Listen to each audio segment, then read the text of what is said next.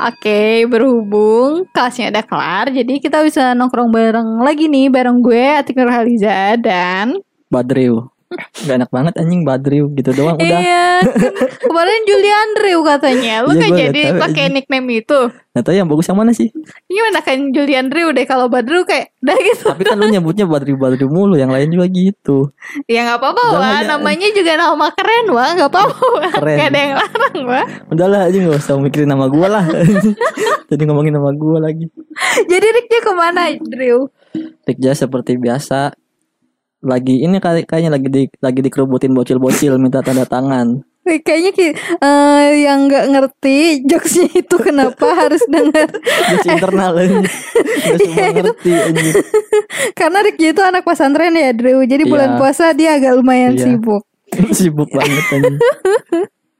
oh iya selain itu kenapa nih Wabu nggak ikutan rekaman Drew jadi kali ini kita bahas apa nih Kita sekarang mau bahas detox dopamin.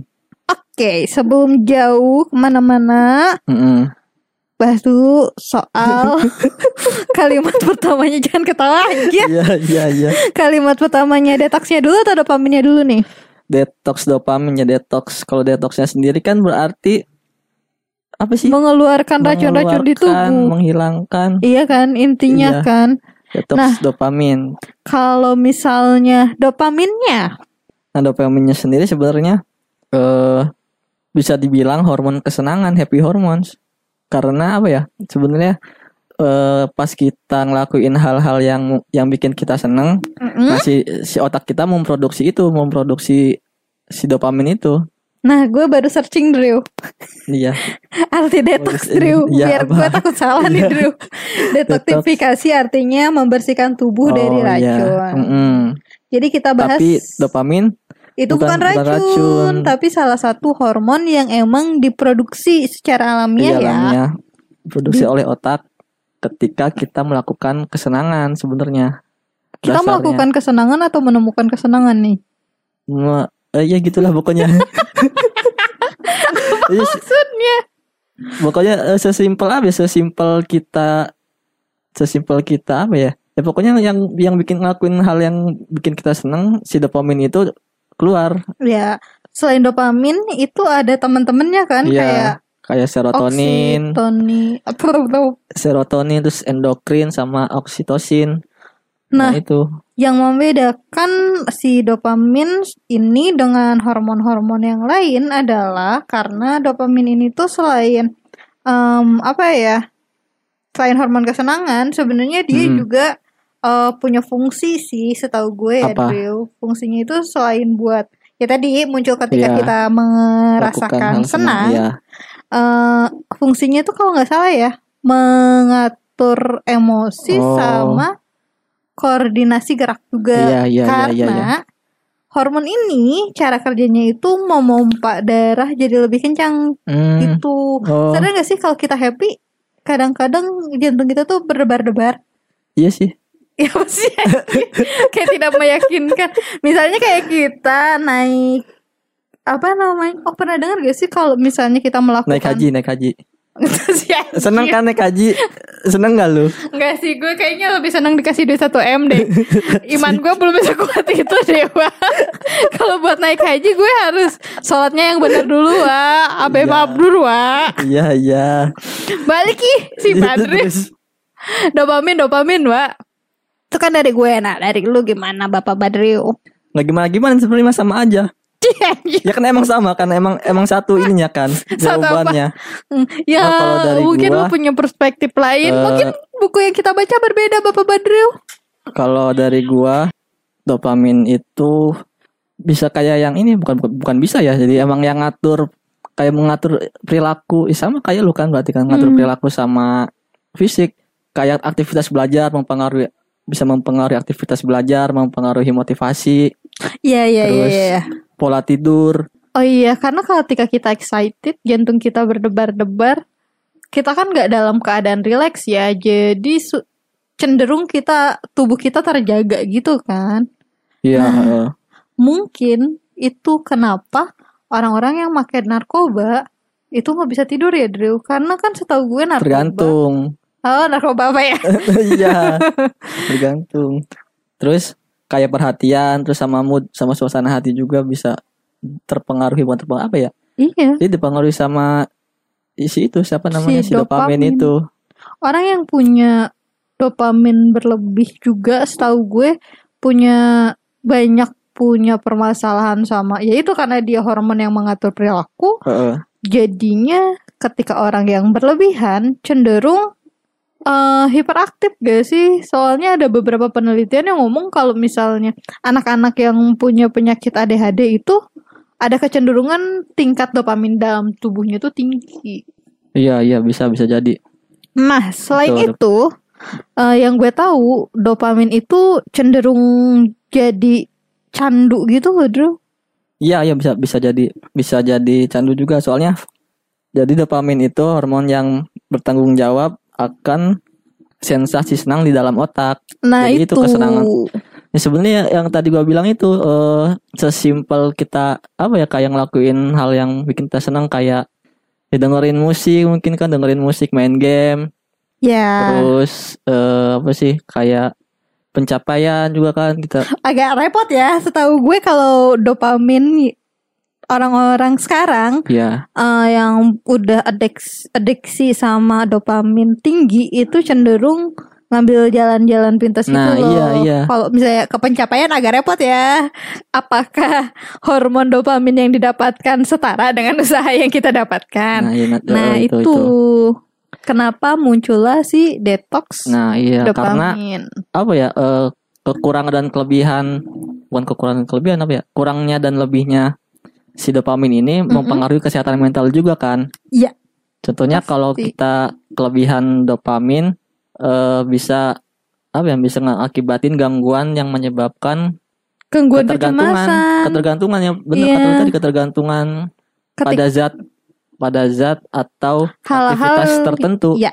Karena hal-hal tersebut itu secara apa ya bisa ngepom-pom lah dalam tanda kutip ya si Iya, dopamin iya. dalam tubuh kita dengan cara yang mudah kayak misalnya likes di Instagram Iya, iya. kayak gitu kayak gitu kan sebenarnya Mm. ya mungkin ada beberapa orang yang effort ya bikin foto cantik Iya. dan kawan-kawan sementara ada beberapa orang kayak ya kucing gua itu kucing gua Eh, kayak mm, mendapatkan itu sebagai bentuk apresiasi Iya. padahal kan eh bukan padahal akhirnya hal-hal itu ngebuat itu candu ketika mereka biasa dapat like 100 ketika mereka nggak dapat like atau like yang dia dapat itu kurang dari 100 akhirnya Iya. mereka ngalamin kecemasan kan Mm. akhirnya banyak gangguan-gangguan yang terjadi kayak yang Iya, tadi lu iya, iya. bilang kepribadiannya akan terganggu ketika Iya. dopaminnya terbiasa mudah keluar Iya itu. Nah, iya yang jadi masalah sekarang itu yang jadi fenomena banyak apa ya banyak orang-orang yang karena karena bisa dibilang karena teknologi juga kali ya karena Mm-mm. intinya ini sih intinya mah lebih ke internet kali ya karena adanya internet itu Iya. karena- iya sisi buruknya yaitu jadi orang-orang gampang banget ngedapetin dopamin si otak Hmm. produksi dopamin kayak yang tadi gua bilang game main game Mm-mm. terus itu tadi lu main Likes. sosial media like main sosial media itu kan bikin dop si otak itu kan bikin apa ya produksi dopamin itu kan jadi Lebih cepat, cepat lebih gampang dan lebih besar. cepat iya belum lagi orang kalau main main media sosial main game nggak nggak sebentar kan Ya, betul. Karena itu eh, dopaminnya jadi satu hal yang candu, akhirnya tanpa harus melakukan hal lain iya yang lebih berat. iya iya Karena mereka udah dapet di situ ya udah ngapain lagi sih iya ketika nah, kita iya tuh. eh, dapetin kenikmatannya iya dalam tanda kutip. instan Jadi ya udah. ya cenderung jadi cenderung milih hal-hal yang instan Iya, ya manusia zaman Karena ya- sekarang ya. karena keterbiasa dengan dopamin hit itu kan yang disebut Hmm, dopamin hit itu. Betul. Jadi kita apa ya otak kita di bisa dibilang lah ya. iya dibanjiri sama dopamin itu kan. Nah, dibanjiri dengan cara yang mudah akhirnya kita terjebak deh scroll doang, main Iya. game doang, Mm-mm, padahal itu. banyak hal-hal lain yang sebenarnya bisa tuh Lebih memicu produktif, lebih positif. dan dapat memicu si dopamin itu muncul Iya. walaupun memang secara effort pasti akan lebih susah ya Mm. karena uh, sebenarnya kayak olahraga tuh sebenarnya itu ningkatin Iya, dopamin, Dopamin cukup juga iya kencang kalau sih olahraga. cuman kan sebelum si dopaminnya naik kita harus ngerasain badan kita sakit dulu dan Iya. lain-lain kan terus sekarang di dihantem sama laju laju globalisasi anjay. Kita globalisasi naon ya Drew di apa ya di ya diiringi dengan perkembangan teknologi. Jadi orang-orang gampang buat ngedapetin kesenangan secara instan yang akhirnya ngebuat dopamin itu terproduksi secara berlebihan dan instan. Dan akhirnya ganggu ke kehidupan sehari-hari Iya. kan kita jadi nggak produktif dan lain-lain. Akhirnya, siapa yang menemukan teori atau pendapat soal detox dopamin ya gue lupa deh. Salah satu dokter dari Amerika, dia itu psikolog. Dia itu salah satu orang yang sering menterapi perilaku kognitif siapa sih? CBT. Aduh gue lupa. Oh iya, iya iya Iya iya kan? iya iya. iya. Jadi detox dopamin itu ditemuin sebenarnya sebagai salah satu CBT ya. ya CBT Eh, iya, kan cognitive behavior therapy. ya Iya, kan iya. untuk mendeterminasi beberapa perilaku-perilaku yang udah menyimpang Iya, iya. karena kayak beberapa orang yang kecanduan sosial media kan udah parah ya Drew Iya, iya. lumayan ya mulu ayo dong Enggak, gue lagi ngerasa gitu aja. ngerasa emang akhir-akhir ini lagi lagi ya lagi lagi main main medsosnya kenceng. Iya gue beberapa kali scroll kok tulisannya ada Andri Julian Drew menyukai di beberapa foto cewek gitu ya. Hmm ketahuan banget nih. Abu jarang nge-like gue gak pernah ngeliat Kalau Abu kayaknya emang detox banget orang di detox, detox Hmm, dopamin eh, banget. kemarin juga sebenarnya Abu ngelakuin ini kan. Iya, tapi karena nggak ada kuota. tapi dia berhasil loh akhirnya dia Iya, menemukan beberapa kegiatan yang produktif Iya, walaupun sempat bola. pingsan ya katanya ya. Iya pingsan. Enggak pingsannya mah gara-gara ini. Dia kan ada ada tanah kosong nih di depan rumahnya. Iya. Ini dia, dia sama anak-anak situ. Ya buat teman-teman kita ya pasti tahu ya Wak. Iya dia ngebabadin rumput. Buat jadiin lapangan itu kan tanah kosong. Eh, Tahunya Kebabat juga jempolnya gak apa-apa yang penting dia lebih produktif Drew Iya. dibandingin kita yang goler-goler doang Drew walaupun ujungnya penyakit ya Wak Nah itu salah satu detox dopamin yang teman kita lakuin. Sebenarnya kita juga pernah kan ngelakuin. Iya kita waktu kuliah juga kan pernah eh Ada dosen kita eh, nyaranin Bukan nyaranin bikin challenge ya Iya, Nantang Bu bikin Wina. tan- Iya Bu Wina bikin tantangan buat kita supaya detox media sosial Kita jangan buka medsos sama Udah ya medsos doang ya Kan namanya media sosial Detox media sosial Gitulah Jadi lu Tapi malah lu gimana waktu itu? gue emang anaknya nggak terlalu sosial media sih Waktu itu, kebetulan belum. waktu itu. Batman bukan sosial media dong, Bu- bukan sih Iya kan? Iya bukan Waktu itu gue lagi gila-gilaan sama Wattpad dan nggak punya kepentingan di sosial media Iya sih. Pun sampai sekarang gue nggak punya kepentingan di sosial media. hmm. Kalau detox drama Korea mungkin itu yang agak sulit. itu yang agak sulit. Hmm, hmm. Iya kan. Tapi ya gue juga sadar sih beberapa kegiatan-kegiatan gue kayak nonton drama Korea itu kan bener-bener ngebuat gak produktif Iya, banget. Ya beneran seharian. Drama Korea kan rata-rata 16 episode nih. Iya. Ya gue habisin gitu. berarti- Maraton maratonin terus Iya 16 jam berarti gue gak gerak-gerak tuh di dalam kamar udah sampai tamat. Nah akhir-akhir ini gue juga mulai ngurangin sih itu. Cuman yang gak Hmm. bisa berhenti. Iya Iya gua eh, kemarin ini nyaranin bukan ya ny- nyaranin kita bahas ini ya karena itu karena ngerasa ngerasa lagi main medsosnya kencang terus kayaknya butuh butuh detox nih Butuh detox. menyadarkan diri Eh. pakai media lain Iya, gitu ya. gitu. Jadi apa yang lu lakukan? buat sekarang Iya dong. sekarang lagi ini sih masih apa ya masih masih coba nyoba ngurangin soalnya susah kalau sekarang Karena kan gua admin nih admin Instagram asan apa itu? Mana Susah, postingan-postinganmu? ya maksudnya kan gue megang megang akun Instagram Mm-mm. ya kan gua harus in dong harus apa namanya harus ada aplikasinya Mm-mm. mau nggak mau ya gue juga buka aplik buka akun gua kan Alasan ya? ya enggak kalau gua pakai akun after class buat main Scroll. scroll kan jadi nggak bener ininya. Nanti gue menemukan like-like after class di Nah, foto-foto iya. yang tidak senonoh ya Drew. Agak bahaya ya. Gak apa-apa nanti Abu yang edit. Terus gimana? Oh tapi gue kema gue rasa lu mulai mencoba sih. Karena kemarin baru nyelesain buku ya. Iya, buku yang lu rekomendasiin itu dunia Shopee akhirnya beres juga Dan setelah 42 hari. cukup lama ya. Ya soalnya kan ya ya gimana nih buku kayak gitu di dihantam terus-terusan mah kan banjir informasi kepala. Gak masuk kan. Jadi harus harus santai. Kalau Abu yang ngomong gini gue aja. gak bingung sih. Tapi ini keluar dari lo agak aneh sih. Itu kan emang, emang berat maksudnya kan eh, materi semua isinya, ya, materi filsafat. Hmm. Kan kalau di di apa namanya dibaca terus-terusan kan di satu misalkan satu bab, satu bab dibaca, terus lanjut lagi ke bab lain. Hmm. Jadi kurang apa ya? Kurang Tapi gue gak kurang meresapi kalau gua sih ini mah. Jujur alasan gue doang sebenarnya. di enam di 600 halaman terakhir gue udah kagak ngerti itu ngebahas apa. By the way, kita balik lagi Iya. ke detox. Ke detox dopamin. Nah, Mm. si detox dopamin kayak yang kita jelasin, kayaknya tadi itu bahasan yang udah kita kekat Iya, kayak jadi- tadi kita ngomong. Eh, detox dopamin yang kita maksud ini kita nggak bener-bener ngilangin dopamin dari tubuh Iya kita ya, karena Drew. emang dopamin jadi kan alami diproduksi sama otak. dan diperlukan juga. Iya.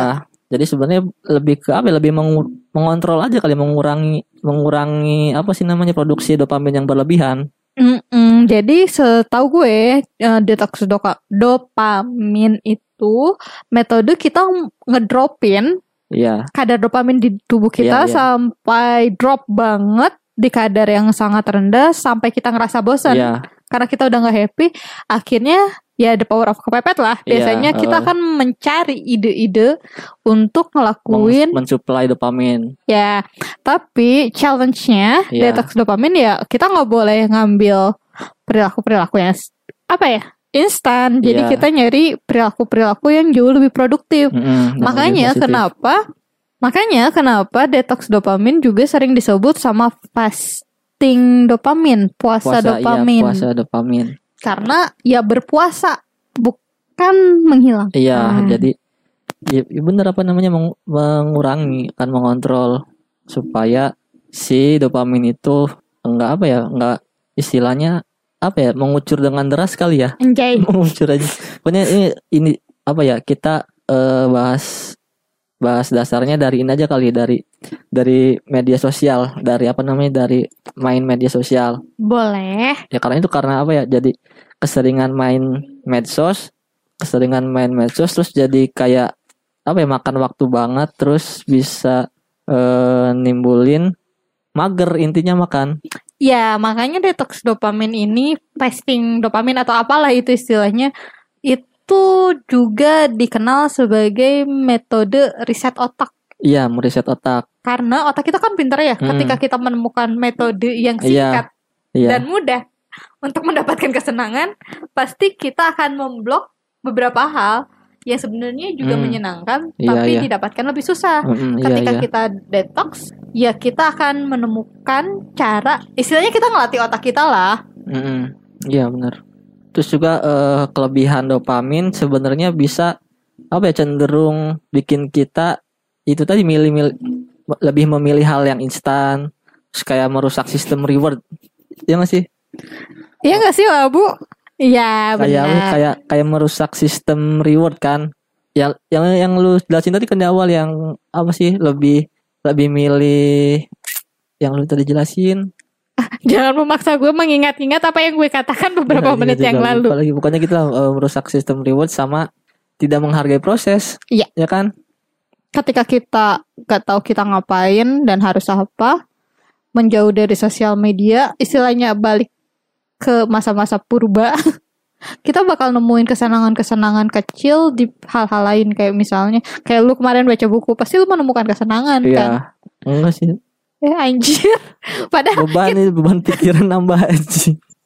tapi ada kepuasan tersendiri Iya, dong. iya, iya. Bahwa, oh ya ada pengetahuan baru yang Iya, gue iya. dapat. Karena suka nggak suka pengetahuan yang kita dapat di sosial media itu pasti berbeda dengan dari buku nggak sih? Iya. Ya emang beda lah. atau kayak Abu tuh kebabadin lapangan lapangan pasti dia menemukan kesenangan baru akhirnya dia kan setelah ngebabadin eh, halaman dia bisa main bola iya padahal walaupun itu effortnya tinggi dan dopaminnya pada awalnya ketika dia senang main HP pasti dia mikir ngapain kayak gitu Mm-mm. ternyata pas udah dilakuin oh ternyata eh, satu perilaku bisa mempengaruhi perilaku lain dan menambah kegiatan-kegiatan lain yang bisa ngedoping si dopamin di tubuh kita Mm-mm. Tuh. iya gitu kelebihan dopamin sendiri bisa apa ya bisa ngebuat kita nggak sabaran nggak fokus ya ah, pasti terus pasti jenuh ya kan bosan mager kayak gitu males Jenuh, bentar dulu, bentar dulu jenuh. Bukannya ketika kita punya dopamin yang banyak, kita tuh mengalami Dikat, kesenangan. Maaf, maaf, maaf, maaf. Gimana, gimana, gua, gimana, gimana, gimana, gimana. nyatet dari ini dari, dari. YouTube udah nggak usah dibahas itu mati Ih. salah Gak boleh kayak Rick Nggak, terus- Jadriu. tidak sabaran fokus Gak fokus. iya tidak tidak sabaran terus Hmm. nggak fokus. Terus eh, nggak pernah puas atau gampang puas. Ya kan? Intinya adalah, eh ya kayak yang Andri, ya gak apa-apa sih nama lu Andri ya. iya nama gue siapa sih sebenarnya iya sih bener kayak. Anjir kebiasaannya buat lu Badriu. Terus kayak manggil lu Andri kayak agak aneh gitu. Eh Kayak yang lu bilang sih akhirnya menyebabkan tidak fokus, gak sabaran, kecemasan. Nah ini penyakit-penyakit modern, mental-mental issue yang sebenarnya iya apa ya jadi eh bukan translator ya, yang banyak dialami lah ya. iya Drew. iya Jangan-jangan kalian juga ketika kalian udah mulai ngerasa kayak gitu, mungkin kalian juga butuh si detox dopamin iya ini. detox dopamin Ingat ya, detox dopamin bukan kita tidak hmm, tidak mengeluarkan dopamin dari tubuh kita, tapi kita ngebuat itu turun dulu untuk menemukan Mm-mm. cara yang Ya. tidak instan. Iya eh, apa namanya? Simpelnya kayak ya bener kayak apa namanya puasa dopamin kan. Kita puasa Mm-mm. dulu nih, kita stop dulu misalkan ya yang, yang selama ini ngeganggu kan paling paling paling besar kan si medsos itu tadi kan main medsos itu Iya. tadi kita coba dulu berarti eh, ngurangin main medsos ini. Ya sama sistemnya kayak puasa berarti kan be- beberapa jam kita off dari medsos dulu.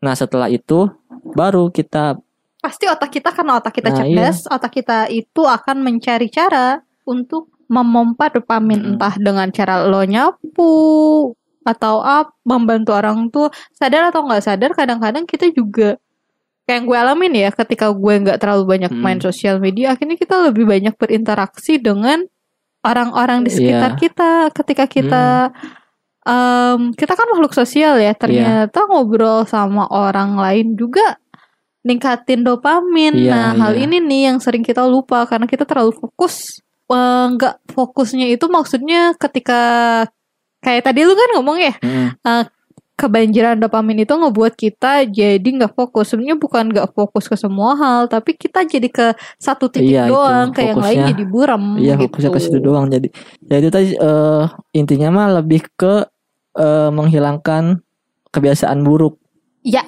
mulai dengan cara apa eh Padahal gue berharap lu ngomong dengan cara detox dopamin anjir. Maknanya kan- apa? Padahal ini berharap banget Teman-teman. tektokan anjing. teman-teman kalau teman-teman tahu ini padahal Andre yang mengajukan judul ini teman-teman. Dia yang bingung sendiri. oke terus Ya itu kayak yang tadi gue bilang.